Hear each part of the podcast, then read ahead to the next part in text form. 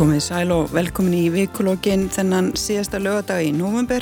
Á morgun er fyrsti sunnundagur í aðvendu og það er orðið ansi jólalegt orðið um að litast hér í höfuborgina minnstakasti. Jólaljósinn farin að lýsa í skamdeginu og ekki skemminum fyrir að hafa aðeins snjóföl og jörði eins og í dag. Við erum að ljúka enn einni stóru fréttavíkunni. Það verist ekkert láta á stórfréttum þessi misirinn. Stóramálið þessa helgina minnstakosti er myndun nýra ríkistjórnar sem tilkynnt verður um á morgun. Bóðar hafa verið breytingar á ráðunitum, færslu mála milli ráðunita og nýtt ráðuniti, innviða ráðuniti muna öllum líkendum líta dagsinsljós og falla í skaut framsóknarflokks.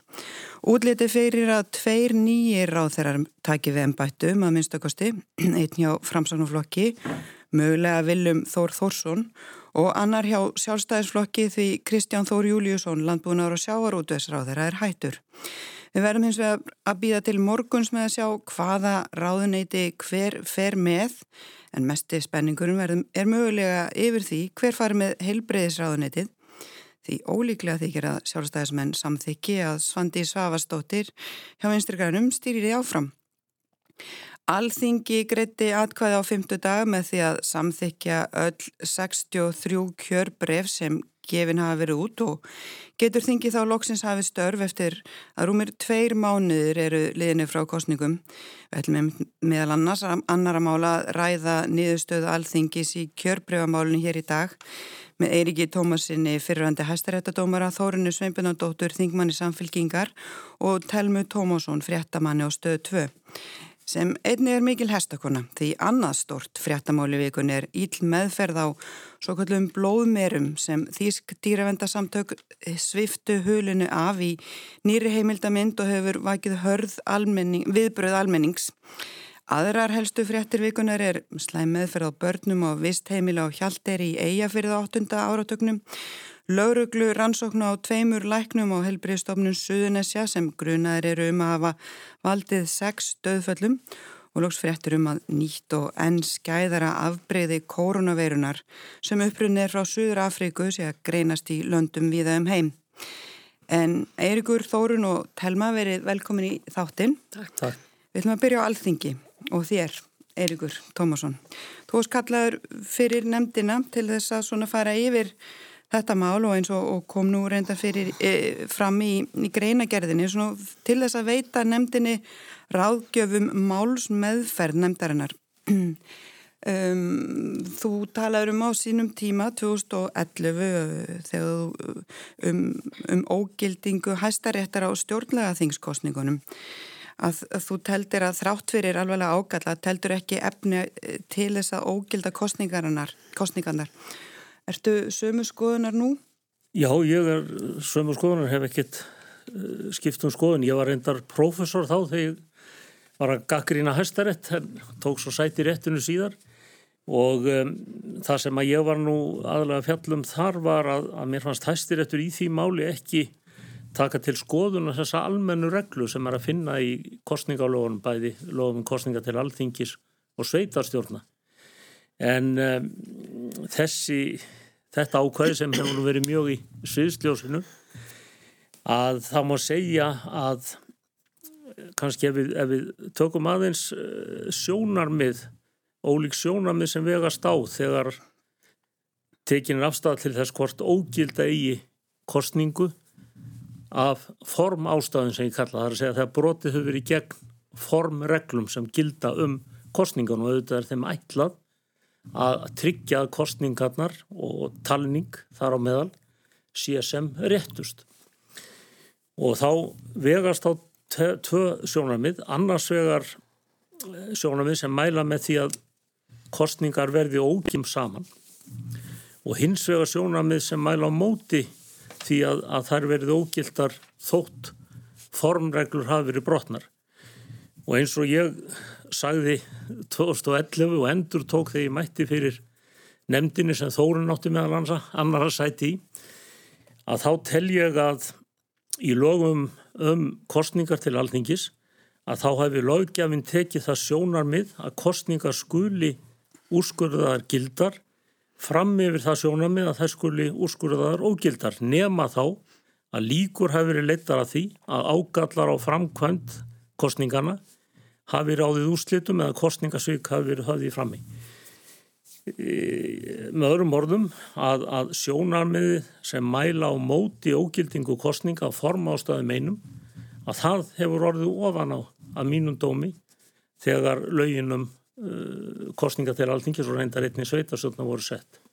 Þannig að, að sko, þínum mati hafa hefur þessi framkvæmd, galla á framkvæmdin ekki verið nægilega mikil til þess að hafi haft áhrif á niðurstöðunar það er svona líki latri í þínum huga. Já, það er að segja sko, ég les þetta þannig að, að það þarf að þurfa að liggja fyrir líkur á því. Það er að vísu þetta er aðtyggsbundið það fer dáltið eftir því hver gallin er. En ef við höldum okkur bara við það sem gerist í borgarnesi þessa á þessum tíma og þá fyrst og fremst þessa ófullnægandir vörslur á kjörgögnum að þá eh, er það mín skoðun að það hafi ekki verið efni til að ógilda kostningarnar nema leittar hafi verið líkur að því að átt hafi verið við kjörgögnin. Mm. Það er að segja frá fyrirtalningu og þar til tali var að nýju. En þetta er svolítið líkilega dreyði í, í málflutningi þeirra þórun sem mm. að vildu ógilda þessa kostningu og vildu fóða upp mhm. kostningu að þið teljið að séu ekki ekkert að sko, færa sönnur á að hafi ekki verið gert. Já, Já þetta eru þetta svona lagarlegur höfuverkur eins og Eirikur var að lýsa honum og, og við það höfum við verið að glýma í tæpa tvo mánuði sem að sátum í kjörbrefanemdini og þar sem að lögjafinn er sjálfur að úrskurða um gildi eigin kjörbrefa þá er þetta líka enn vanda meira verkefni en ef það væri ekki þannig. Og, og ég held að öllum hafi verið það full, fyllilega ljóst. En það er auðvitað önnur umræða hvort að það er rétt eða rátt þannig erum við með þetta núna. Og okkur ber auðvitað sem uh, alþingismanna að skoða máli frá öllum hliðum og þess vegna fórum við yfir framkvæmt kostninga í öllum kjördæmum og, og fengum upplýsingar frá öllum yfir kjörstjórnum og það er alveg ljóst hvernig ber að standa að framkvæmt kostninga og öllu talningarferlinu þannig að rétt sé. Og á ferlinu í norðvestur kjördæmi voru því miður þeir annmarkar og ágallar nokkri sem ekki er deilt um. Það er að segja, við rekjum það í greinager nefndarinnar og, og, og það er alveg skýrt og, og við verðum auðvitað að vona og ég treysti því að, að uh, þingmenn allir uh, síðu þeirra skoðanar að við þurfum að bæta úr lögjöfinni, skýra, skrifa verklagsreglur og annað slikt til þess að tryggja að annað eins geti ekki gerst aftur. Um, síðan er það eins og hér hefur verið bent á það að að formgallar geti leitt til ógildingar er atviksbundið eins og það heitir og þá eiginlega stöndum við frammi fyrir tveimur nálgunum á það að ekki hafi verið færðar sönnur á að eitthvað hafi valdið e, breyting og niðurstöðinni eða þá að við getum sem sagt sagt, nei það var ekkert sem að ollið því. Um, ég Við höfum auðvitað fengið til okkar ásamt Eiríki, til okkar hafa komið Hafstein Þór Haugsson, Trustifannar Valsson, Ragnhildur Helgadóttir og Finnur Þór Viljónsson saksóknari sem var að svona, veit okkur ráðgjöfa því við þurftum auðvitað að taka skýrslur af, af öllum hlutaðegandi og ég ætla ekki að gera lítið úr því að það var ekkert einfalt að koma staði niðurstöðu og við þurftum að liggja yfir því og hún, var, hún blast ekki við í byrjun og ég hef orðað áður þannig að, að sko, hefði þetta bara verið klift og skorið þá hefði þetta ekki tekið þennan tíma. Um, en við uh, vorum nokkur í nefndinni sem að uh, vorum ekki sammála því að það væri hægt að að samþykja kjörbreyfin í norðvestur kjördami eh, með þeim hætti sem þó var niðurstaðan og þingi. Og ég vil taka það skýrt fram að niðurstaða alþingi sem niðurstaða og, og við höldum áfram frá henni og hún ræður ferðinni. Um, og þar í rauninni hverfist málið um það að við fáum send 63 kjörbri frá landskjörstjórn sem bókar. Og það er fordama löst og þar er sagt, bókunin varðar að það að yfir kjörstjórnin hafi ekki geta staðfest fullnægandi vörslu kjörgagna. Og það stendur eftir þegar allt ferlið er, er, ferlin er lokið og við afgreðum þetta í þinginu. Og þar í rauninni staðnæmist ég alltaf í þessu máli að við fengum ekki þá staðfestingu, við vissulega reyndum að kannana og rannsaka eins og við gátum en það er alveg ljóst að kjörgagna var ekki gætt eins og vera ber. Mm. og ég er þeirra skoðunar og það er, ég er ekki lögfræðingur en ég er þingmaður og ég legg mat á málið sem slík og ég er þeirra skoðunar að það hefði verið betra til þess að ebla tröst kjósenda á kerfin okkar sem er náttúrulega grundullu líðræðis í landinu að ebna til uppkostningar í norðvestur kjördæmi. Þar varði ég í minni hluta og, og félaga mínir og, og þannig er það bara og málið er afgreitt en ég held hins vegar að, að við, sko, ég meina við erum og ég veit að, og Telma kemur kannski inn á það og eftir að ég meina við erum að fara í kostninga eftir til annara landa, við þykjumst þess umkomin að kenna öðrum hvernig ástunda líðræði og góð vinnubröð en við verðum alltaf að byrja heima hjá okkur og, og þar má ekki slá af kröfunum. Talva, nú hefur þú synd kostninga eftirliti, þú hefur bæði verið hér heima svona í þessu hefðbunna kostninga eftirliti á, á talingastöðum og líka Erlendis. Eh, hvernig blasir þetta við þér þar sem að þarna hefur verið í gangi? Já, ég held fyrst og fremst að þetta hafi verið áfall fyrir líðræðisrikið Ísland. Ég held að uh, traust uh, almennings uh, hafi um, brostið til stjórnsíslunar, til stjórnmálamanna, til alþingis, þessara mikilvægu stopnanar okkar. Um, Þórun talar hér um, um uppkostningu að uh, þessi hennar mata það hafi verið svona uh, eina niðurstaðan uh, í þessu máli. Ég held að, að, að öll þessi atriði hafi verið vondir kostir allir vondirkostir í stöðinni. Ég held að uppkostning hefði skekt alla niður stöðu uh, þessara kostninga þessu sinni og uh, hefði ekki verið betri kostur heldur en, en hinnir kostirnir. Nú, uh, já, þóru nefni það líka að við þykist þess umkomin að geta farið til útlanda og fylst með kostningum og, og, og, og sínt það á sannað að, að það sem að við gerum sé það réttasta. Uh, ég hef bæði farið í kostninga eftirlit þar sem að uh, við fylgjumst með sem er bara einfalt eftirlit þar sem að við skráum niður þar sem við teljum að séu uh, vankantar á framkvæmt. Það er einn aðferð kostninga eftirlits. Svo hef ég einu sinni farið og fóru sínum tílma til Kosovo þar sem að við tókum uh, þátt í kostningunum í rauninni þar sem var verið að kenna fólkinu í landinu að halda kostningar og halda utanum kostningar. Uh, Serbneski minnilhutin hafi verið mikið í ábyrðarstöðum í, í, hérna, í Kosovo. Uh, sá minnilhuti var farin að mestu úr landinu þannig að uh, kenna þurfti albönum að halda utanum kerfi og ábyrðarstöður í samfélaginu. Þar kom ímislegt í ljós Um, Albanir eru að uh, til dæmis að miklum hluta múslimar og múslimsk gildi eru undirstaða í þeirra uh, samfélagi. Uh, líðræðiskostningin okkar hún talar um eitt maður, eitt atkvæði.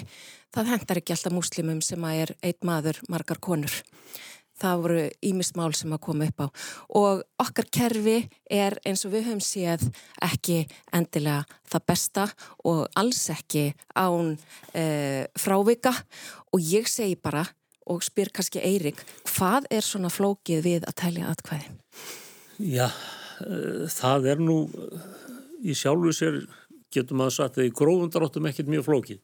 En það koma upp vafa atkvæði og, og það er nú hægt að hafa langmálum það, ég ætla ekki að gera það núna.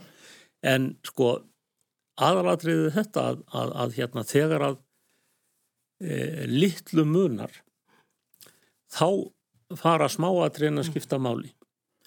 Og ég rætti það nú við nefndum mín upp í háskóla á sínum tíma þegar meðan voru að fylgjast með fórsetakostningunum var það ekki 2000 þegar þeir áttustuði Gór og, og Bús að eh, menn neyksluðust nú margir hér heima og, og, og töluðum hérna vangetu hérna bandaríkjaman að halda kostningar og, og það var margt til í því en sko uh, þar munaði mjög litlu á, á bandarískan mælikvarða, nokkur hundur atkvæðum. Mm.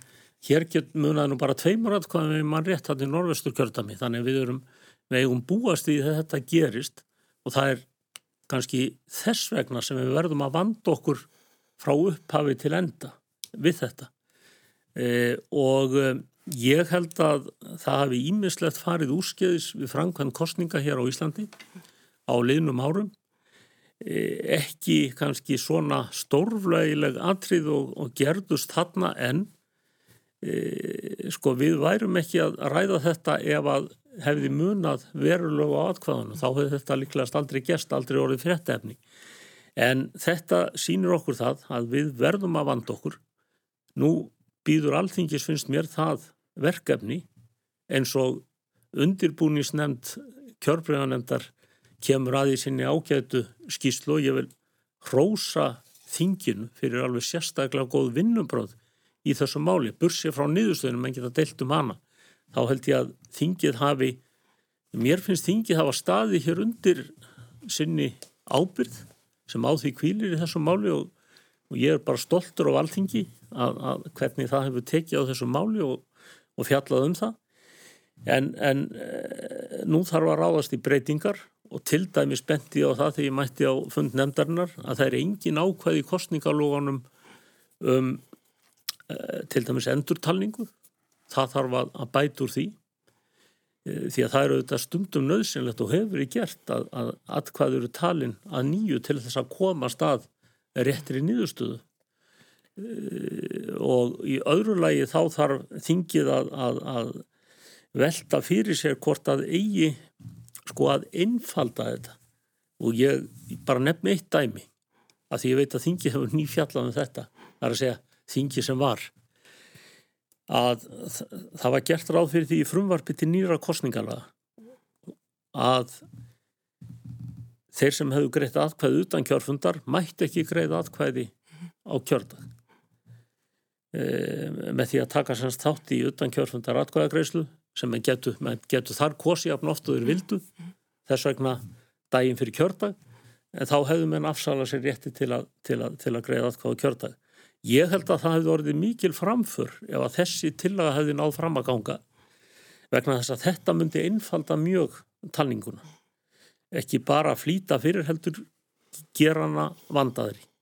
En það, þessu þingið samþýtt þetta ekki og, og taldi að með þessu veri gengið á rétt kjósenda. En ég held að þarna ættu menn nú að skoða þetta að nýju eftir, eftir eftir einsluna í þetta sinn og, og það mætti nefna fleiri, fleiri svona dæmi sem að þingið þarf núna að, að, að taka til skoðan. Það eru augljóslega þannig að það eru ímist þessi atrið sem að þarf að skoða betur og í greinagerðinni er, langu listi yfir ábendingar um þau atriði sem að, að lögjafinn þarf að taka til skoðunar.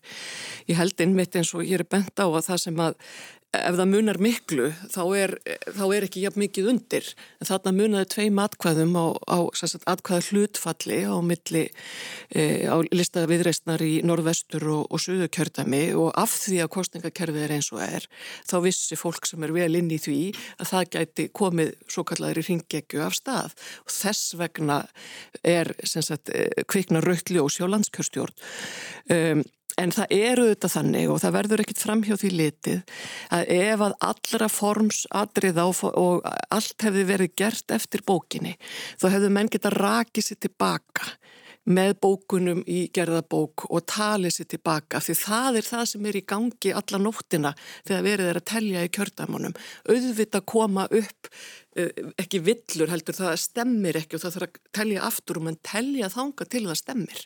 Þess vegna tekur þetta tíma og það er að taka aðra umræðan um það hvers vegna sko við erum að gera þetta um nótt en, en ég ætla ekki að fara út í hana núna. En þannig að þetta það er ástæða fyrir því að það þarf að færa allt til bókar jafn óðum.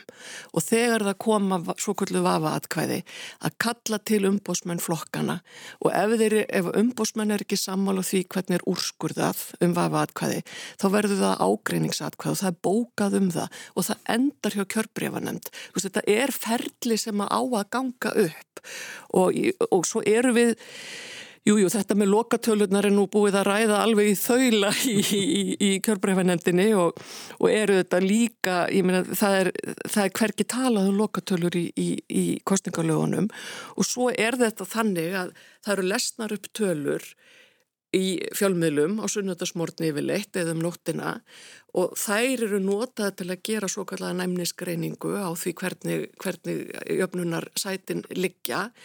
En þá eftir að fara yfir svo kallu breytt atkvæði þar segja útstrykkanar og annað slíkt og yfirleitt er þá kjörstjórnum búin að sjá hvort að þau eru mörg eða fá þannig að fólk gerir grein fyrir því hvort það hefur áhrif eða ekki. Og það er skilað fyrri skíslu til landskjörstjórnar og setni skíslu ekki fyrir henni búið að fara í gegnum allt. Og og það er mjög skiljanlegt að þegar það eru lesnar upp tölur í fjölmjölum að fólk líti svo á að það séu hinnar eiginlegu loka tölur og í öðrum löndum, til dæmis í bandaríkjónum sem að hér voru nefnd, þá er það þannig að stóru fjölmjölarnir segja við lítum svo á að Bush hafi sigrað, við lítum svo á að Trump hafi sigrað og það sem gerist eins og það gerðist árið 2000 með Gore og, og, og Bush yngri er að Gore segir ég tapaði. Vitandi samt að það munar því sem munaði og það sem gerðist núna síðast og allir þetta gríðarlegu sko, bara pólitískum óstöðuleiki bandaríkjunum var að Trump var ekki tilbúin til að segja ég tapaði, af því það er hluti af ferlinu þar að þú viðurkennir ósigurðinn og þá heldur, heldur þetta áfram. Þannig að auðvitað er þetta, og ég nefni þetta bara sem dæmi af því að það eru, ég meina, sumt er skrifað í lög, annað er skrifað í vennjur og samfélag gera þetta með ólíkum hætti, en, en það er mjög mikilvægt að allir þáttakandur sko virði ferlið eins og við höfum komið okkur saman um að hafa það.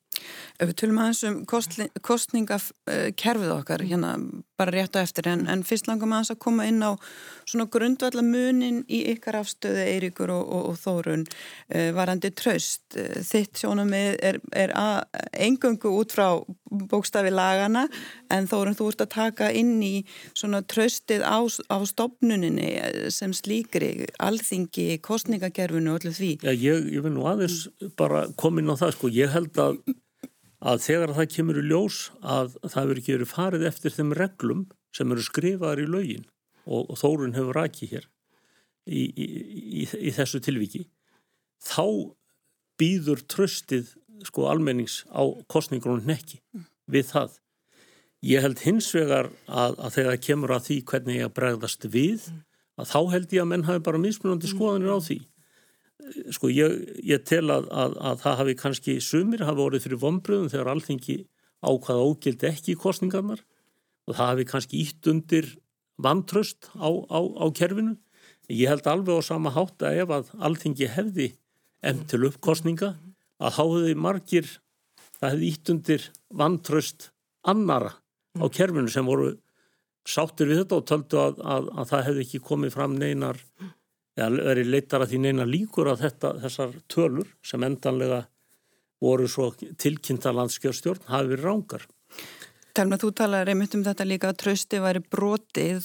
Eirikur segir að hann, hann er stoltur af alþingi að hafa uh, að máls meðferðin skulle hafa verið svona vönduð og, og greinagerinn og skýslan jafn ítalega vönduð eins og, eins og, eins og hann bendir á.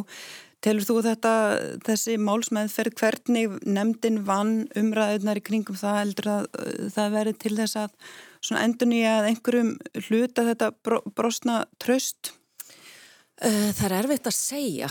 Þetta gerðist og þetta fer ekkert í burtu og uh, ég held að alþingi og alþingismenn þurfa að vanda sig mjög mikið við uh, endurskoðun og stjórnsíslan öll þurfa að fara í naflaskoðun á kerfinu vegna þess að þetta er náttúrulega ekki báðlegt. Þetta er ekki báðlegt fyrir þjóðina, þetta er ekki báðlegt fyrir það fólk sem að vinna á alþingi, þetta er ekki báðlegt fyrir það fólk sem að býður sig fram til að starfa í stjórnmálum. Það er, það er ekkit auðvelt að starfa í stjórnmálum held ég. Uh, ég dáist að því fólki Þetta eru, þetta eru erfið störf, þetta reynir á, þetta reynir á fjölskyldur, uh, er, það er ekkert auðsótt að gott fólk leiti í þessi störf. Við verðum að hafa umgjörð sem við getum treyst, sem að er... Uh, Já, allavega 99% ef ekki 100% og ég held að þurfa að vinna mjög stíft í þá átt að breyta kerfinu þannig að trösti verði endurvakið. Ég held að verði erfitt Uh, kerfið átti allt undir högg að sækja og hefur gert það síðustu ár. Það var gríðuleg þáttaka, meiri þáttaka í kostningunum nú heldur en oft áður. Ég held að fólk sé almennt uh, uh, svegt, hissa og uh, ég segi bara að nú þarf að leggjast í vinnu, naflaskoðun og breyta þessu og gera þetta betur. Tónum, hvert er hlutast alþingis núna?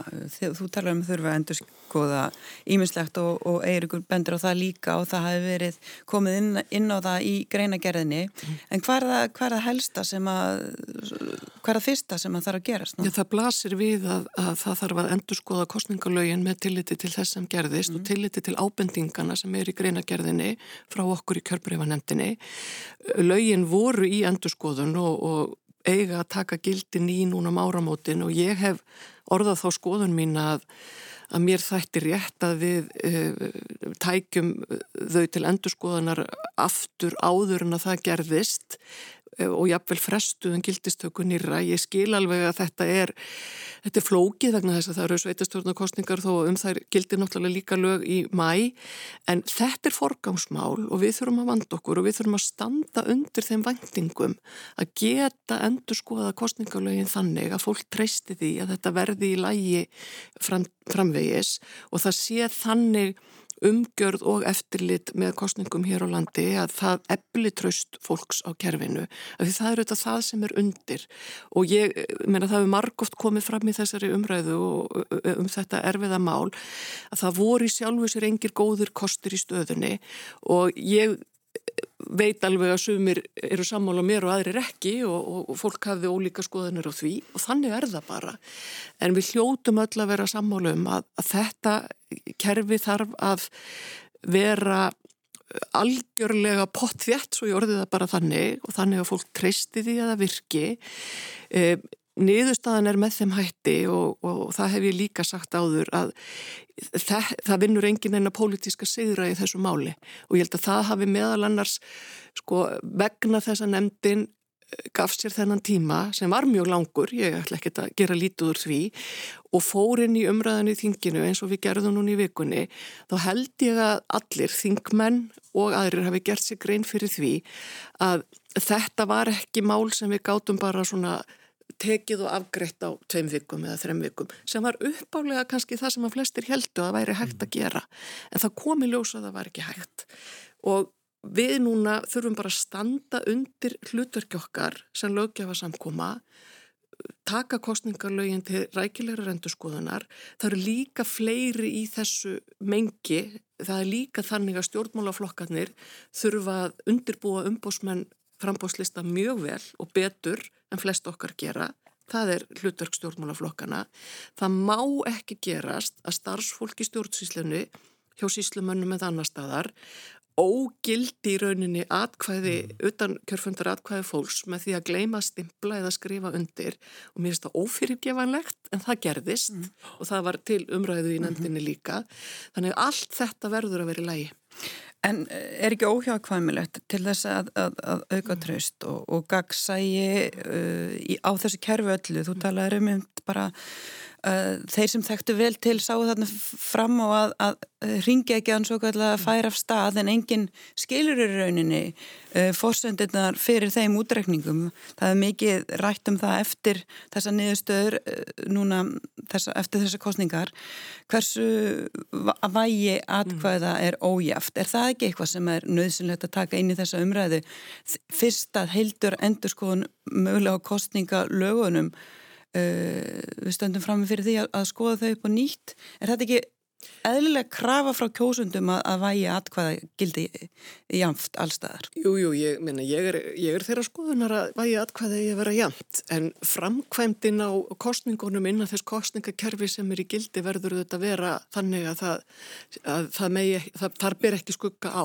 Vægi atkvæða eru þetta hluta kerfinu og þar er pólitíkin í kerfunu líka.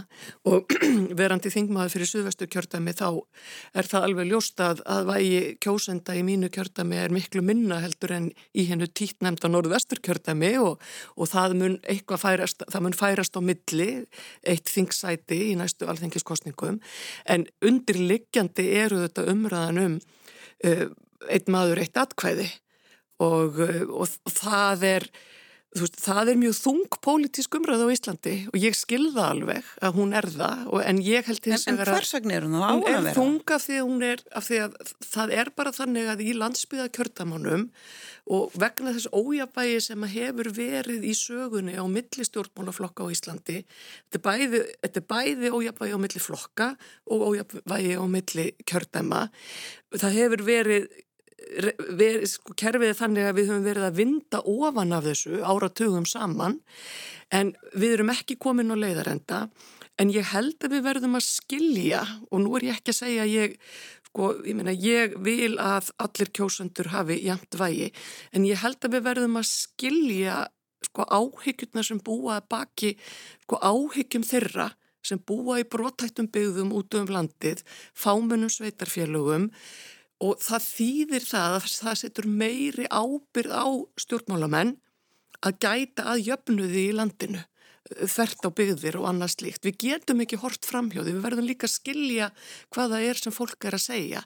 En ég hef eins og að sko, sagt við félaga mína til dæmis í samfélkingunni sem er í landsbyðakjörtamannum, hefur, hefur þetta ójafvægi aðkvæði fært ykkur eitthvað og, og, og það er líka spurningin sko, sem þarf að svara. En þetta er tilfinningamál, þetta er pólitíst mál og við verðum að leysa það saman. Er þessi pólitísku rauk og þessi tilfinningarauk sem að Þórun talar um, Eirikur, er þau rétt réttlætanleg uh, þegar við komum að því að, að, að svona bera saman aðkvaðavægi millir kjörtama? Sko ég hef nú hérna velt þessu mikið fyrir mér í gegnum tíðina og, og hérna ég hef alltaf haft vissa samum með því að þeir sem búið út á landi hafi meira vægi sem sagt eða atkvæði þeirra í að vega eitthvað þingra en, en okkar hér. Sko Ísland er mjög sérstatt land og verður æg sérstakara vegna þess að sumir kallum, kall, talum það að þetta sé að verða hálgjert borgríki sko það nú, búa núna, ég man ekki hvað stór hluti íbúa landsins á höfuborgarsvæðinu og ef við færum það upp í borgarnes af því við höfum nú verið að tala mikið um það og síðan höstur á Selfors að, að, að, að þá er það sko yfirgnafandi fjöldi fólk sem býr á þessu tiltöluga litla svæði á landinu. Það er engin, ekkit annað land sem ég mann eftir mér stóðast ekkit nálægt okkur sem að, sem að býr við þetta. En ég hef alltaf hins vegar verið þeirra skoðuna sem er náttúrulega mjög umdelanlegt, veit ég, að við þekkjum þetta reyndar í Skotlandi, það eru nokkur fá, fámenn kjördami, svona einmennskjördami, en, en mér hefur alltaf fundist að vera, vera röggrétt, að sé fólk, sko hafi fólk meira vægi, atkvæða vegi, að vegi atkvæði þess tingra á landsbyðinni, að þá eigi þeir flokkar sem eru þar stæstir að njóta þess. Það sé ekki verið að, í raun og veru er verið að færa til atkvæði sko, með þessu jöfnunarkerfi.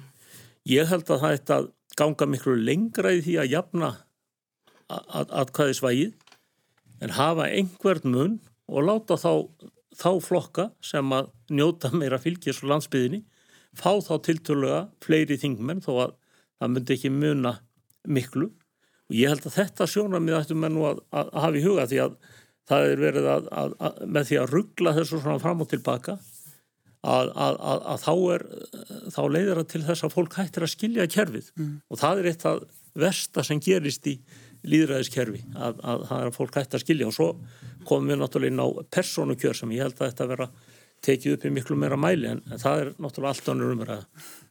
En við förum aðeins inn í svona, uh, hvað tekur við núna eftir þessa niðurstu alþingis? Uh, uh, nokkrir, eða held bara, já, allir fjórir þeirra sem að þarna fengu, eða samkvæmt fyrst, samkvæmt fyrstu tölum voru inni en duttu síðan út hafa tilkynnt einhverju þeirra allavega. Ætla að kæra til mannirtinda domstóls Evrópu hvernig er ferlið á, á þeirri kæru og þeirri málsmeðferð? Þar þurfaði að kæra fyrst hér heima fyrir íslenskum domstólum áður máli fyrir út eða geta þeir kært beint út? Og, og hversu langan tíma tækja og hver? Er þið afleiðingin af mögulegum svona dómi þar eh, þeimi vil ef að hann færi þannig fyrir, fyrir allþingi og fyrir? Sko ég, ef ég reyna að svara þessu spurningu þá er það þannig að, að það hefur verið litið svo á að samkvæmt stjórnarskráni þá sé endanlegt úrskurur af valdum gildi eh, kostninga í höndum alþingis. Og það verður ekki hægt að bera það undir domstóla hér á landi. Og þar með er þetta fullnaðar úrskurður. E, síðan er hægt að bera það undir, undir mannréttind á domstólinn e, ekki gildi kostningarna sem slíkra.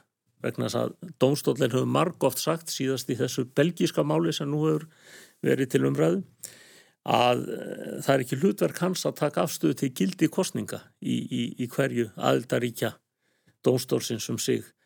En það er hins vegar hlutverk hans að kanna hvort gætt hafi verið réttra aðferða við meðferð á til dæmis kærum út af kostningum.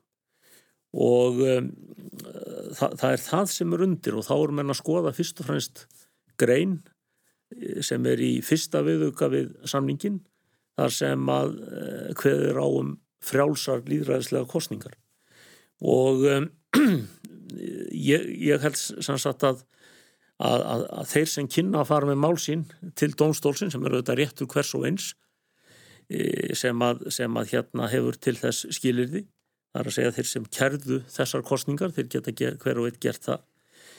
E, en, en það verður aldrei þannig að e, mannréttind á dómstólinn muni lýsa kostningarnar ógildar þerton í það sem nú hefur verið samtitt á þingi. Og þessi málsmeður fyrir domstólunum hún tekur nokkur ár. Þannig að, að við þurfum að býða eftir niðurstöðu þaðan og svo er ómúlt að segja hver hún verður. Svo maður segið þannig bara hreint út. Mm. Þannig að það er í rauninni svona takmarkað, takmarkuð áhrif sem að niðurstöða hver sem hún niðurstöðan hver sem hún yrði verður uh, mun hafa hér heima? Já, sko, ég held að ef að allþingi gerir það sem við vorum að tala um áðan að þá kannski segir domstólinn svo gerðist í þessu belgíska máli að nú er búið að setja reglunum þetta sem tryggja eh, vandaða meðferð málsins og, og, og einnig vandaða framkvæmt kostningarna.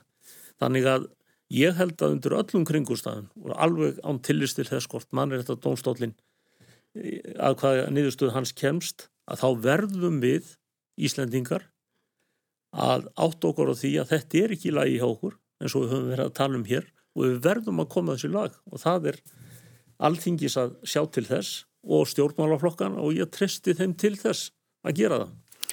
Er svo ekki fjölmiðlana telma að fylgja því eftir að það veri gert? Að sjálfsögðu eins og þeirra hafa verið að gera, þeirra hafa náttúrulega fjalla ítalega um þessi mál og fylst mjög grant með gangi mála dag frá degi. Stundum er ekkert að frétta og, og hérna en, en, eh, en eh, vissulega hefur það verið gert og, og ég, ég treysti öllum íslensku fjölmjölum til þess að gera það og, hérna eh, inn að gæsa lappa þjarma vel að þórun og kó í þessum, þessum málaflokki. Þá erum við eftir bjart sína á að þetta takist að sé vilji á alþingi til þess að er, ég er bjart sína ég er bjart sína á það og ég, ég vil ekki vera annað. Það munu þetta reyna á okkur, það er alveg rétt en, en ég vænti þess að fjölmilar og kjósendur beiti því aðhaldi, aðhaldi sem að þeir og þau eiga að gera. En ég er líka, af því þú sagðir Sigurður Daga, hérna, við ættum að færum að tala hér um annað sko í framhald af þessu máli af því að það er það er svo margt annað undir í samfélaginu og þá er ég alls ekki að gera lítið úr þessari, þessu erfiða máli í norðvestur kjördami heldur eru við náttúrulega að, við þurfum, við höfum verið á svona eins og fram hefur komið, menn alltingi hefur ekki komið saman í fimm mánuði þegar það kom saman í vikunni. Ríkistjórn er væntanlega að verða til á morgun og það býða svo mörg verkefni mm. og, og, og þau eru líka mikilvæg og við þurfum auðvitað líka að, að setja sko, fókus á þau sem í þinginu og annar staðar í samfélaginu og, og vonandi uh, tekst okkur það, það eru auðvitað lítil tími til stefnu til áramóta en það þarf að afgreða fjárlega frumvarp að minnstakosti og það þarf einhvern veginn að koma því á reynd hvað eh, tilvonandi stjórnarflokkar ætla að gera saman og um hvað þessi nýja ríkistjórn sem er að verða til að miskilst á að snúast. Já, við fáum vonandi meir upplýsingar um það á morgun mm. þegar nýr eh, ríkistjórnarsáttmáli lítur dagsins ljós. En við ræðum aðeins þetta blóð meira mál sem að uh, vakti mikið óhug fólks hér í vikunni. Telma, þú skoðað það vel og mikil herstakonna. Hver er svona hver er svona uh, þín skoðun á, á, á þeim aðferðum sem þarna eru við þaðar og almennt nú hafa, hefur mast bent á að það, þetta sé í, í flestum tilfellum í lægi það er aðferðir sem eru notaðar við blóttöku á, á merum. Er þetta kannski eitthvað sem ætti að banna bara yfir höfuð? Ég það er náttúrulega mikil umræði búin að vera um þetta alla þessa viku og, og þessa myndi sem voru byrtar eh, voru áfall fyrir eh, alla. Áfall fyrir landsmenn, áfall fyrir hestamenn, sérstaklega ekki bara á Íslandi, heldur út í heimi líka. Eh, Sími hjá mér hefur ekki stoppað alla vikuna og þetta er mjög mikið búið að vera til umræðu. Eh, það sem að eh, sumir segja er að þarna séum frávegst tilfellega ræða. Eh, aðrir segja að að uh, svona sé þetta og það sé illa að þessu staðið. Um, hvað sem er rétt í því, ég hef aldrei verið viðstött blóðmör uh, tökku blóðs hjá hrissum en það sem við sjáum þarna gerðist. Það sem við sjáum er ill meðferð á dýrum. Um, það eru er gríðalega stór uh, merastóð víða þar sem að, að verið er að taka blóð úr hrissum og uh, þarna er greinilega potterbrotin alls ekki allt í lægi. Við erum með tæplega 120 bú á landi sem að stunda þessa starfsemi. Þetta eru rúmlega 5.000 merar sem eru þarna undir. Þetta eru yfirleitt ótamdar merar eða merar sem kom frá tamningastöðum þar sem hefur ekki verið hægt að temja þær. Þær hafa verið ódælar eða vondar í gæðslægi eða eitthvað slikt. Það er greinilegt að þannig er ekki rétt staðamálum, það er verið að beita dýr ábeldi og uh, þetta er ekki það sem við viljum sjá. Uh, MAST hefur ekki uh, Mast sinnir góðu eftirlit slutverki en hefur korki greinlega mannskap nýja fjármunni til þess að halda nógu vel utanum þetta. Innra eftirlit Ísteka hefur brugðist. Uh, Ísteka er eina fyrirtækið eða eini aðilinn sem að kemur að þessu sem að hefur mestan hagnaðin af þessum blóðmera búskap sem að ekki hefur komið fram og staði í lappirnar og tjáð sig um málið. Engin fullrúi ístaka hefur komið fram eða vilja koma fram þrátt fyrir ítrekkubóð þar um og uh, sagt hvað er þarna á ferðinni. Mast hefur komið fram og tekið þetta á kassan. Uh, formaði félags dýralagna félags Íslands Eh, var í viðtali í pallborðinu á Vísi í gær þar sem ítalega var farið yfir málið formaði félags Hrossabænda, félags Tamningamanna, eh, stjórn Alþjóðarsamtaka, Íslandshestafélaga FEIF hefur komið fram. Þá að allir komið fram nema það fyrirtæki sem ber mestu ábyrðina á þessari starfsemi. Og uh, það skýtur skakku við og það er uh, náttúrulega svona uh, almenn, almenna tengsla aðferð sem er nótuð, látum stormi læja og, og látum og leifum þessu bara hverfa og höldum svo áfram. Það er ekki að fara að gerast hér. Um, það, ef þessi búgrinn heldur áfram þá verður náttúrulega að breyta öllu það verður að breyta aðhaldi, það verður að breyta eftirliti og hvort að það er hægt, það er það sem að mennur að tala um. Mm. Er hægt að beita nógu miklu eftirliti, er hægt að fara í tamningu á þessum hrissum, uh, tamningi verður að snúa að því að þær fara ekki í óta ástand þegar þær fara inn í tökubásana. Uh, hross eru þannig að uh, þetta eru flóttadýr, þetta eru, þetta eru dýr sem að uh, hafa þróast í gegnum aldirnar og, og, og hérna frá upphafi að þetta eru bráð fyrir, fyrir rándýr. Þegar hross lendir í aðstæðum sem það ræður ekki við, þá bara bersta um, þá til að annarkort gefst upp eða drefst, reynilega. Og það er það sem við sjáum á þessu myndböndum dýrið er í þannig uh, óæskilegum aðstæðum að það berst um þannig til að gefst upp.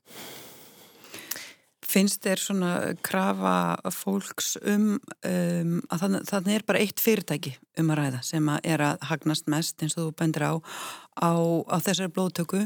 Það er að vinna hormón úr uh, blóði fullra rissa sem að er notuð uh, í svínarækt sem að hefur Uh, líka hloti gaggrinn fyrir slæma meðferð á, á dýrum hann er íl meðferð á dýrum notuð uh, sagt, beitt til þess að uh, styðja undir aðra búgrinn sem að stundum hefur orðið tilefni gaggríni.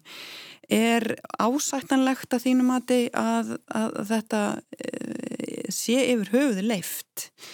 Telur það þarna hagsmunir þessa fyrirtæki séu það ríkir að, að e, ef við getum ekki veitt nægilegt eftirlit eins og þú ert svona að svona benda á að það eigi yfir höfu bara að, að banna þetta? Sko við fórum yfir þetta í þættinum og formaði Dýralæknafélags Íslands eh, kom inn á þessa síðferðilegu spurningu og benti réttilega á ef að þarna væri verið að uh, framleiða ykkur efni í liv til dæmis við COVID myndum við horfa öðruvísi á þetta. Og þessi síðferðilega spurning er eitthvað sem við þurfum að svara. Hver sem á að svara þessari spurningu hvort sem það er alþingi eða, eða á öðrum vikstöðum það er alþingi sem að setur uh, ramman í rauninni í kringum slíka starfsemi hvort hún er leifiskild uh, hvernig á að standa eftirliti. Við erum mast þarf að fylgja eftir lögum og reglum reglum sem að setja eru í landinu og, og, og ég veit að master reynir að gera það. Nú, um, þannig að þessi, þessi spurning, þessari spurningu er erfitt að svara. Það hafa allir skoðun á henni. Mm. Þetta er ekki bara um, uh, sko, við getum velt þessu upp. Er þetta bara blóðuðu peningabisnis eða er þetta vaksandi líftæknifyrirtæki sem mm. er að skila útflutningstekjum mm. og sem að er, er, er, er vaksandi yðnaður fyrir Íslanda og, Íslandinga. Það er svo, marg, það er svo margt sem hægt er að leggja á, á vogaskálanar. Hins vegar er ill meðferð á dýrum, hún er aldrei leið, hún er ekki leiðsamkvæmt mm. íslenskum lögum og við erum ekki bara að tala um blóttökuna sjálfa, við erum að tala um hrossahaldið allan ásins ring.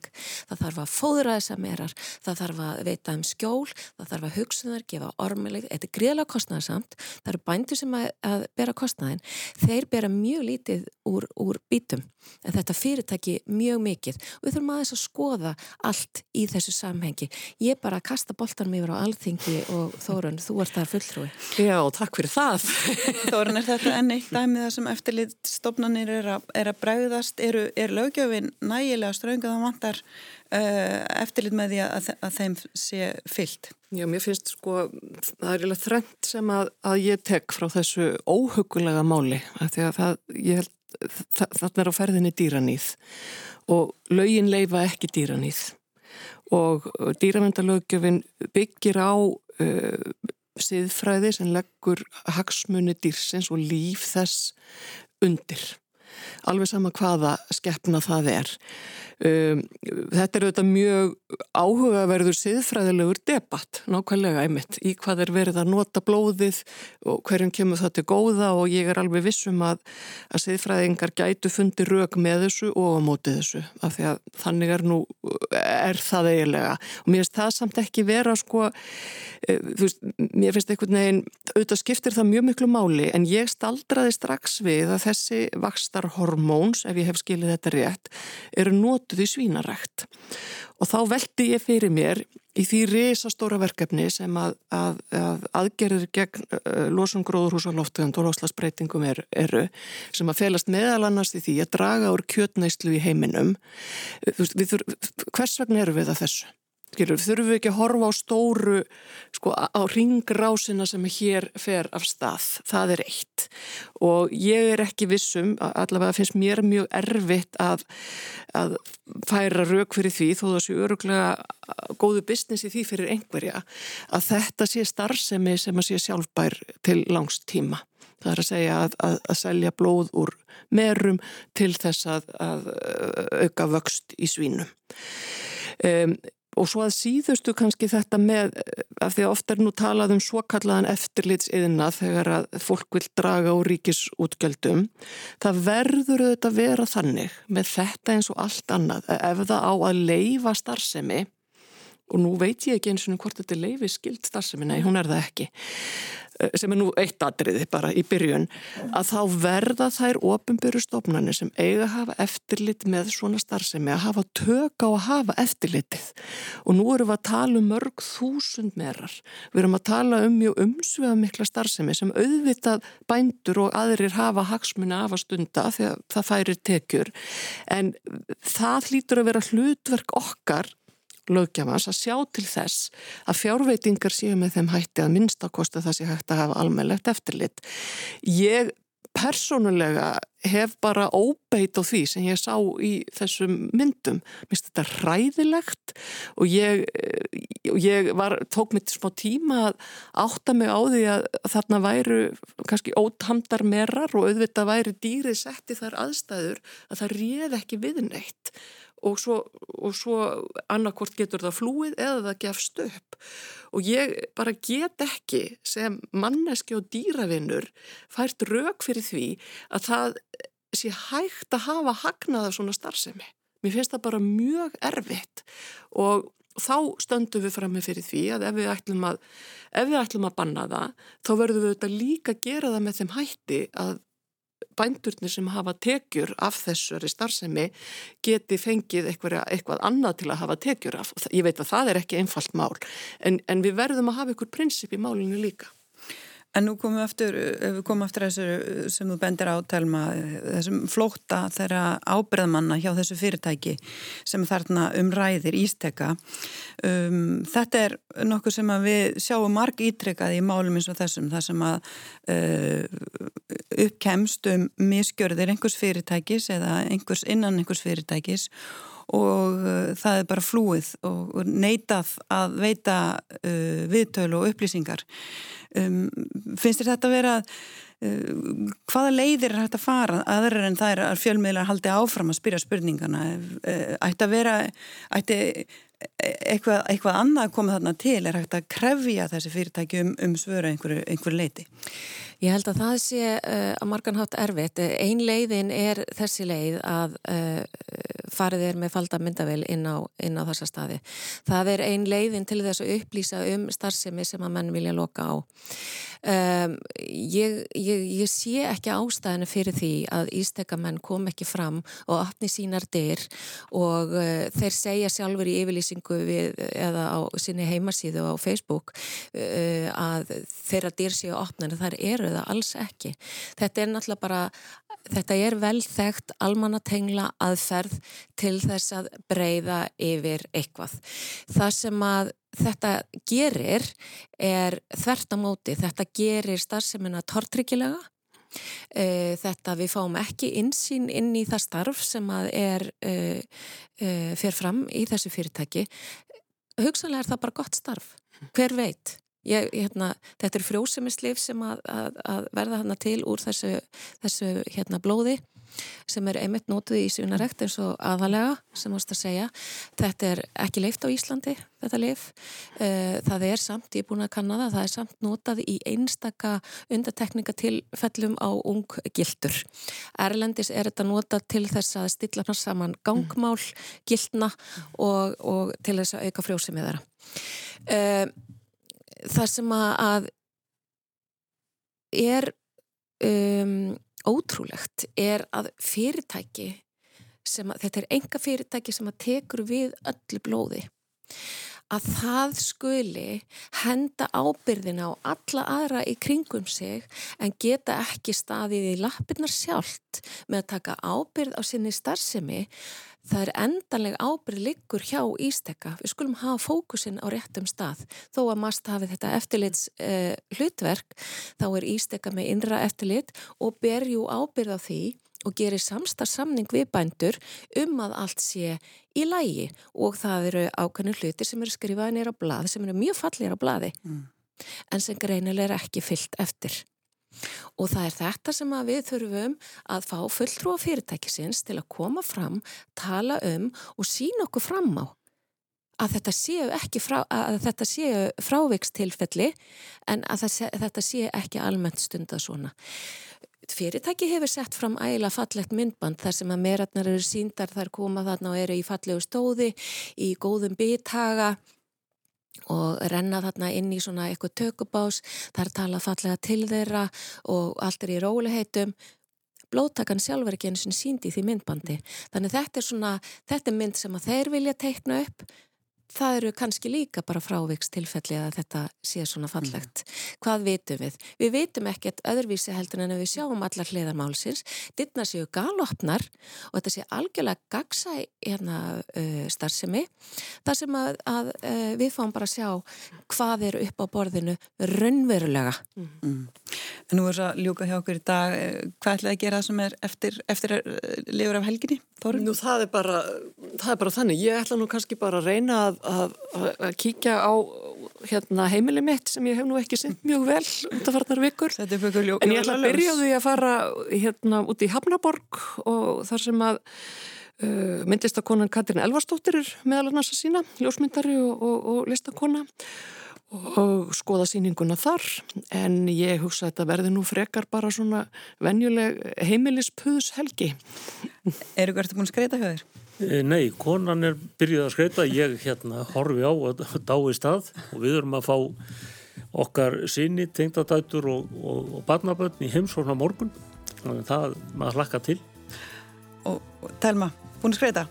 Uh, Ég er búin að setja upp jólaljós en ég er mjög lítið jólabann og mjög lítið svona hátíðabann. Ég lifi mjög einföldu lífi. Ég fyrir í vinnuna, ég tala um fólk og ég er í herstúsum. Takk fyrir kominu, við ætlum að segja þetta gott að þessu sinni Eirikur Tómasson, uh, Telma Tómasson og Þórun Sveinbjörnadóttir.